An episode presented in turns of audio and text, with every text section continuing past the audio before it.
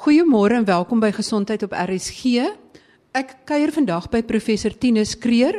Hy is deel van die span by die Eyvitas Fertiliteitskliniek by die Vincent Pallotti Hospitaal en ook verbonde aan die Universiteit van Stellenbosch se departement ginekologie en verloskunde. Hy het pas teruggekeer van 'n internasionale mediese kongres oor fertiliteitsbehandeling en ek gaan by hom vasstel presies wat was die kongres en wat is die nuutste tendense in fertiliteitsgeneeskunde. Professor Kreer. Baie dankie Marie. Ek gaan terugkyk na die kongres genaamd ESHRE. E S H R E, dis die groot Europese kongres. 8000 mense wat uh, dit bygewoon het en by die soort kongres kry mens die nuutste inligting voordat dit gepubliseer is. Soms kan mens deur 'n kongres gaan kry bevestiging van jou kennis en soms kom ons terug met 2 of 3 of 4 nuwe idees. Ehm um, ek wil graag ehm um, reflekteer op eh, 'n uh, paar onderwerpe. Ek sal dit net lys. Die sogenaamde PGS PGD behandeling van embrio's. Uh, dit beteken dat mens die embrio toets om te kyk of dit geneties normaal is of die kromosoom normaal is en dan die PGD uh, is 'n diagnose wat jy maak nadat jy die embrio, ek wys vir jou hierdie klein sirkeltjie met die selletjies hier om, dis 'n blastocyst en daardie binneselmassa is die baba, maar die kant kan mens dan 'n biopsie doen en dit gee vir mense aanduiding is die embrio normaal al dan nie en dra die embrio 'n verkeerde geen. So ek wil net daaroor 'n oomblik praat nou die Europeërs en die navorsing sê dat dit is absoluut aangedui wanneer mens weet van 'n genetiese siekte.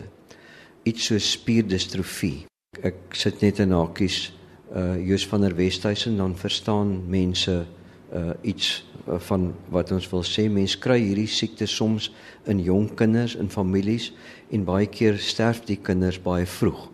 Uh het so 'n geval gehad so ek gaan dit baie prakties maak Ons het uh, die die pasiënte die opsie om swanger te word en dan getoets te word, maar dan 'n terminasie moet kry wat baie swaar is of ons toets die embrio's vir die geen wat die in hierdie geval die pa dra en as jy dan 'n gesonde embrio kry en jy weet dat die kromosome normaal is, dan plaas jy so embrio terug. In die spesifieke geval het ons dan 'n stuk of 6 embrio's getoets twee teruggekom normaal, uh kromosomaal ook normaal en dra nie die geen nie. Eerste een teruggesit, pasiënt nie swanger nie. Tweede een teruggesit, swanger en baba gebore en gesond. Dit is aangedui as mense weet van 'n genetiese siekte, hemofilie is 'n ander voorbeeld en daar's baie daarvan. PGS in die dis 'n ou term maar ek gebruik dit nog so is waar jy net toets vir kromosome om 'n gesonde embrio te probeer uh uithaal uit die pool van 6 en dan te redeneer ek gaan dalk 'n beter swangerskapsyfer kry as ek kan onmiddellik weet watter embrio ek moet terugsit. Die nadele van die tegniek is nommer 1 dis nie so akkuraat as wat gedink is nie. So die nuwe studies wat uitgekom het sê dis uh, so 97% akkuraat. Tweedens jy sit 'n naald in die embrio om nou amper vir geriefsonthaalwe te probeer vasstel waar is die normale embrio uit die poeltjie van 6 en dit kan die oorlewing van die embrio dalk affekteer en die kwaliteit van die embrio en verder is dit hoë koste. So aan die een kant het ons hoë koste vir iemand met 'n genetiese afwyking, dit kan mens regverdig maar wanneer jy net wil weet uit die pool van embrio's watter een is normaal, eh, kan mens ook redeneer los hulle plaas tweeetjies terug op 'n keer en die swangerskap sal sal kom, die normale swangerskap. Met ander woorde, toets die embrio voordat dit teruggeplaas word indien daar 'n genetiese siekte is waarvan jy weet, maar nie net bloot as 'n siftingstoets vir net om die beste een moontlik terug te plaas nie. Ek kan hoor jy's 'n wetenskaplike, so jy het dit perfek opgesom. Ek gaan niks verder sê nie. 'n Tweede onderwerp wat ek eh, graag wil aanraak vanoggend is 'n uh, eh, oomvriesing. Nou net vir die luisteraars, daar is pasiënte wat in hulle menopause ingaan op ouderdom 30, 35 gebore word sonder eierstokke en hulle het twee keuses. Hulle kan of 'n baba aanneem of hulle uh, kan 'n uh, ovum aanneem en dan op daai wyse hulle eie baba dra.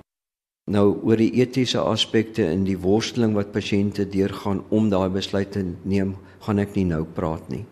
Uh, maar mens moet pasiënte begelei tot tot die besluit en op die end moet hulle met hulle hele hart besluit ja, anders wag mens, anders doen jy dit nie. Nou, ons het altyd net gewerk met vars oba. En die vriesingstegnieke het die afgelope 3-4 jaar so verbeter dat ons nou met vrymoedigheid kan sê in ons kliniek is die suksessyfer van bevrore ova wat ontvries word en dan bevrug word en 'n embrio word selfde swangerskapskans as vars. En ons het dan die volgende ook opgetel in uh, Europa. Die uh, tendens is nou om te kyk na ovumbanke. Dit gee vir die pasiënt onmiddellik toegang tot uh, 'n uh, skenker. Sy hoef nie gesinkroniseer te word nie.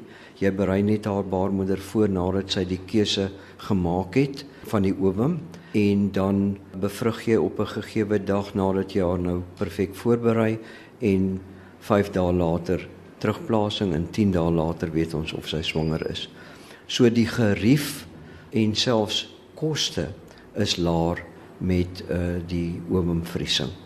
Ehm um, so ek ek dink net dis 'n belangrike ding wat pasiënte moet van bewus raak en dit gee vir hulle dan toegang soos wat ons maklik toegang het in 'n spermbank want die vriesing van sperme was as vir baie baie jare 40 plus jaar baie suksesvol, baie meer kompleks om die ovum te vries en die jare se navorsing uh, bring dit nou prakties na die pasiënt. Met ander woorde, dit maak geen verskil of dit 'n vars ovum is of 'n gevriesde ovum nie. Daai suksessyfers van die gevriesde ovum wat teruggeplaas word, het sodanig verbeter dat dit nou dieselfde persentasie sukses het. Absoluut korrek. Wie is die ideale kandidaat vir ovumvriesing? Marie, ons het gepraat oor ovumvriesing en dis natuurlik die ovumbank is ovumskenkers, dis 'n heeltemal 'n ander groep, maar hulle is ideaal geskik soos wat ek net nou verduidelik het, maar ek dink is baie goed dat jy die vraag weer vra en ek verduidelik dit as volg. 'n uh, Jong meisie, 34 jaar oud, die ridder op die wit perd nog nie daar nie, wat moet sy doen? Bewaar jou eie ova. Bewaar jou ova. Kom na eenheid wat goed kan vries en vries die ova. Ehm um, vir latere gebruik. Ek vertel 'n storieetjie. Die storieetjies is altyd dink ek beklemtoon eintlik iets. Kollega wat baie laat getroud is op 42 het op 38 haar ova gevries het probeer met 'n paar behandelings op 243 met haar eie ova nie suksesvol nie, teruggeval op die bevrore ova, swanger nou op 44. Is dit nie wonderlik nie? As sy nie dit gedoen het nie, dan was haar uh, kans op sukses weens haar ouderdom en laat troue hier by 3% rond. Met ander woorde, 'n vrou kan lank nadat sy nie meer gesonde ova produseer nie, is sy nog in staat om 'n baba te dra.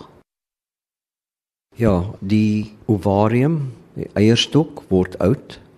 Vrugbaarheid is gekoppel aan ouderdom, soos ek net nou gesê het. As jy 43 is, 'n probleem want daar's baie geneties abnormale ova daai tyd van mense lewe. Dit beteken nie jy kan nie swanger word nie, maar kans uh, baie laer weer 'n storie. Ons hoor dikwels van 'n filmster 51 swanger, 49, 48. So, hoekom word hulle swanger? Hulle het moontlik owa aangeneem, maar hulle baarmoeder verouder nie. So 'n vrou kan uh na 45 met ovumdonasie met gemak swanger word. Nou sê baie mense dis bietjie oud. Ehm uh, maar ons kan dit andersom ook sê dan uh, na die dag 'n plastiese rug gehoor praat toe sy en mense lees dit in die media ook ons is 10 jaar jonger vandag as dalk in ons ouers se tyd. So mense trou later, hulle moet hulle oë vries, maar as hulle nou dit nie gedoen het nie en hulle is nou 43, dan is die oom donasie nog vir hulle beskikbaar en hulle moet weet hulle het nog 'n jong baarmoeder. Wat is die sienings oor AMH in die bepaling van of 'n vrou dringend in vitro fertilisasie moet kry of nie? En dis 'n toets wat baie wyd gebruik word deur huisartse, deur ginekoloë om te kyk na die owerele reserve van 'n pasiënt. En baie keer kry ons uh, dan 'n uh, angstige pasiënt wat sê ek is 34 en my AMH is laag en die dokter het gesê ek moet onmiddellik in vitro bevrugting kry. Die perspektief is dat AMH voorspel nie jou vrugbaarheid nie, jou ouderdom voorspel jou vrugbaarheid. Die perspektief is dat mens dan wel aandag aan hierdie pasiënt moet gee. Maar maak net seker dinge is reg by die huis kry haar fertiliteitsprofiel op 'n hoë vlak. Hulle moet weet uh, wanneer is die vrugbare dag en maak seker haar man is fertiel. En dan volg mense hulle 4 maandeliks op en 6 uit 10, 7 uit 10 sal in 1 jaar swanger word. So niks gaan weghardloop nie en ek dink ons moet daai boodskap baie duidelik gee, maar 'n gesprek en begeleiding deur 'n fertiliteitsspesialis is belangrik. Maar die pasiënt moet weet dat al is die AMH laag of aan die laer kant, voorspel dit net sy gaan nie baie eiers produseer, ova produseer met uh, met die in vitro bevrugting as dit kom in die toekoms. Maar ek wil baie sterk afraai teen onmiddellike oorhaastige in vitro bevrugting omdat haar kans by die huis net so goed is. Het dit nou by die kongres duidelik geword of het julle ook voorheen gedink dat as die AMH laag is dat mens onmiddellik moet optree? Is dit 'n nuwe insig wat gekom het? Dankie vir die vraag. Dis nie 'n nuwe insig nie. Dit is net weer in 'n simposium verpak omdat die pasiënte skrik op die lyf gejaag word weens die sogenaamde lae AMH. So daar's weer 'n perspektief gegee en sê gaan uit want daar's 8000 dokters van oor die hele wêreld en gaan begelei julle pasiënte korrek. Ek wil net doodseker maak die AMH bepaal hoeveel ova nog oor is of wat nog geproduseer kan word op een tydstip of oor 'n lang termyn. Ek dink die maklike manier uh om dit te verduidelik is dat daar is kategorieë wat jy kry met 'n sekere vlak van AMH. Kom ons sê die vlak is 1. Dan staan daar daar gaan swak respons wees, swak respons meen 1 tot 3 ova as jy haar stimuleer.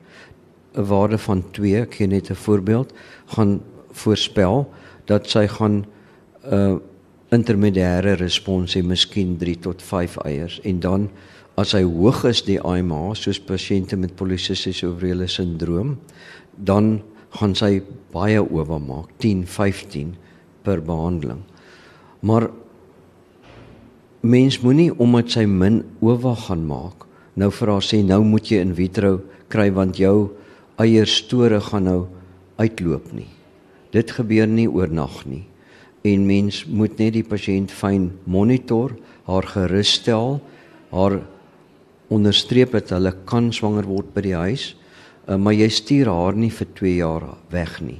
Jy monitor haar en jy kyk elke 4 maande. En ons gaan niks doen aan 'n 34-jarige pasiënt wat 'n lae AMH het nie. Ons gaan net seker maak soos ek nou nou verduidelik het dat die vrugbaarheid hoog is en elke maand tel. Baie dankie. Dan was daar ook 'n interessante gesprek oor endometriose of endoskopiese chirurgie. Kan jy vir ons net so vinnige blik daarop gee?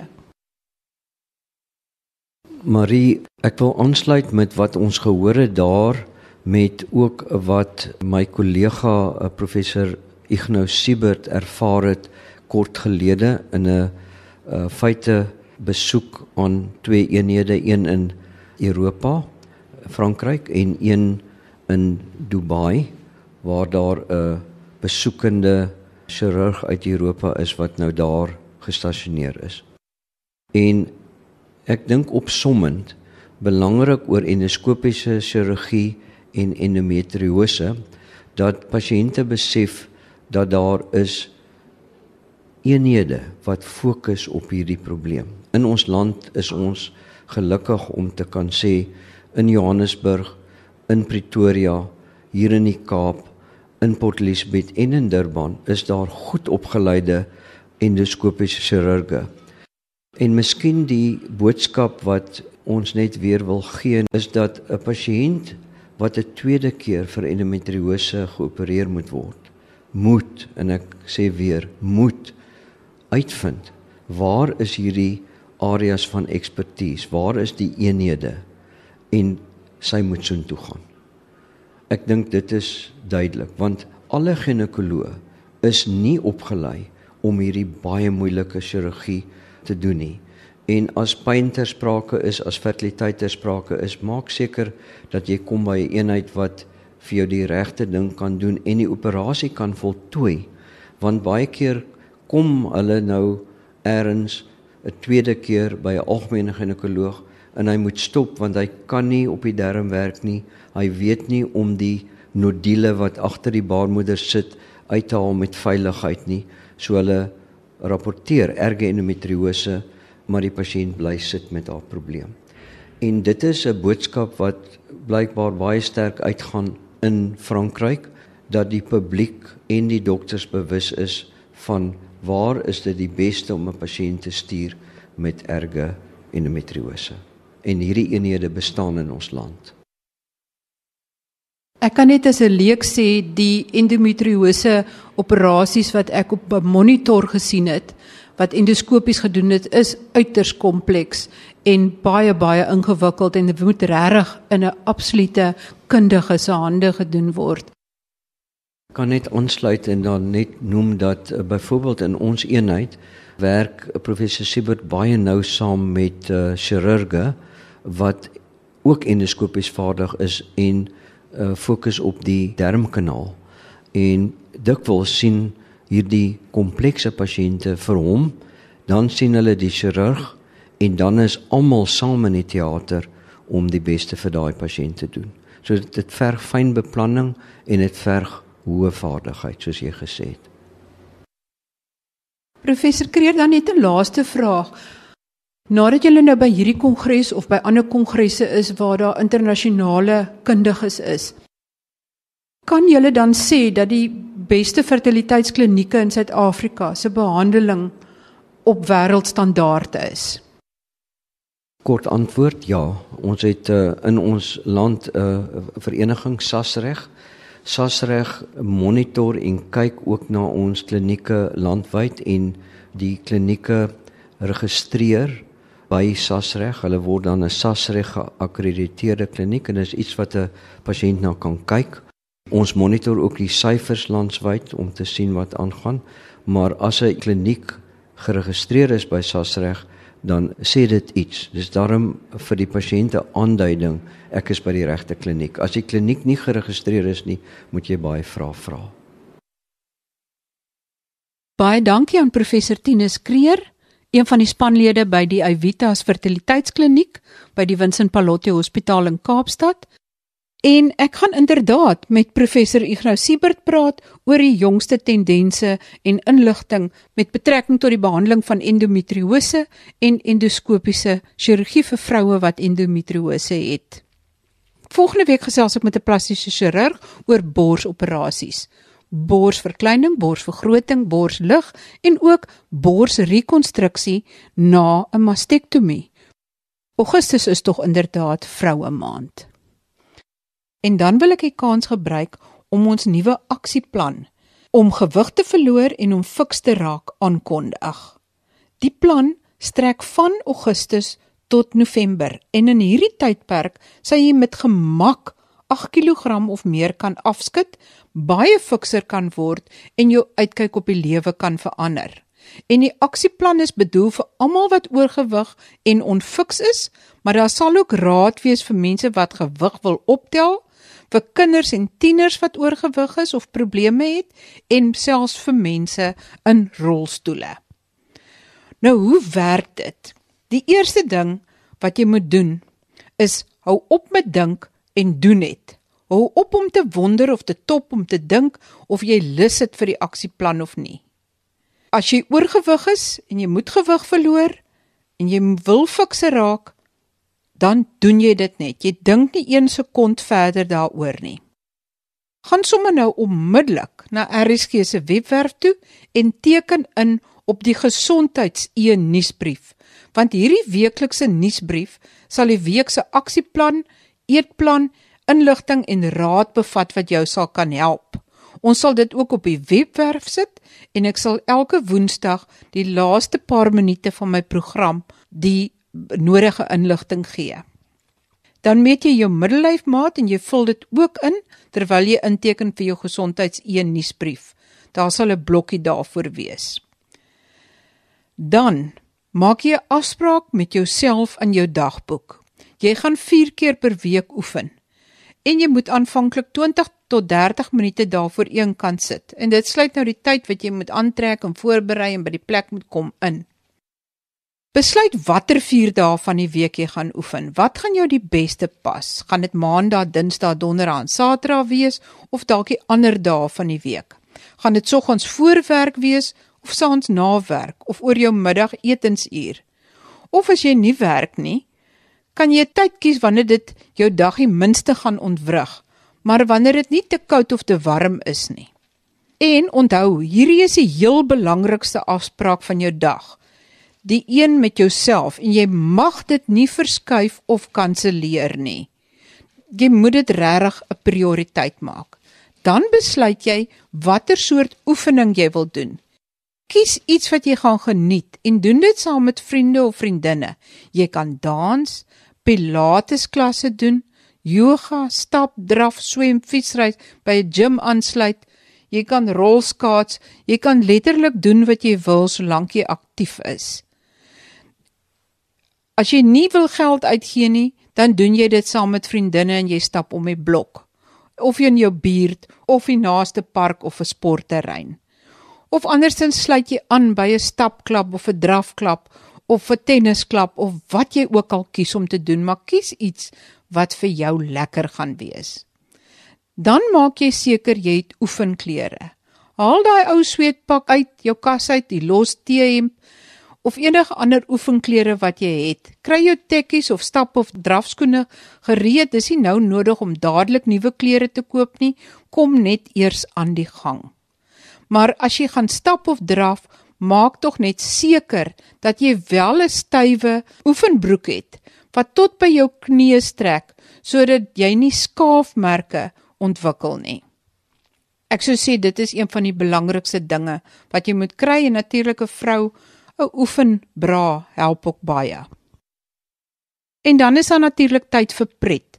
Ons gaan voortdurend vir jou op hoogte hou van pretstappe, pretdrawwe, fietsrenne en ander byeenkomste waaraan jy kan deelneem en ons sal dit onder jou aandag bring. Tot volgende week dan. Totsiens van my Marie Hudson.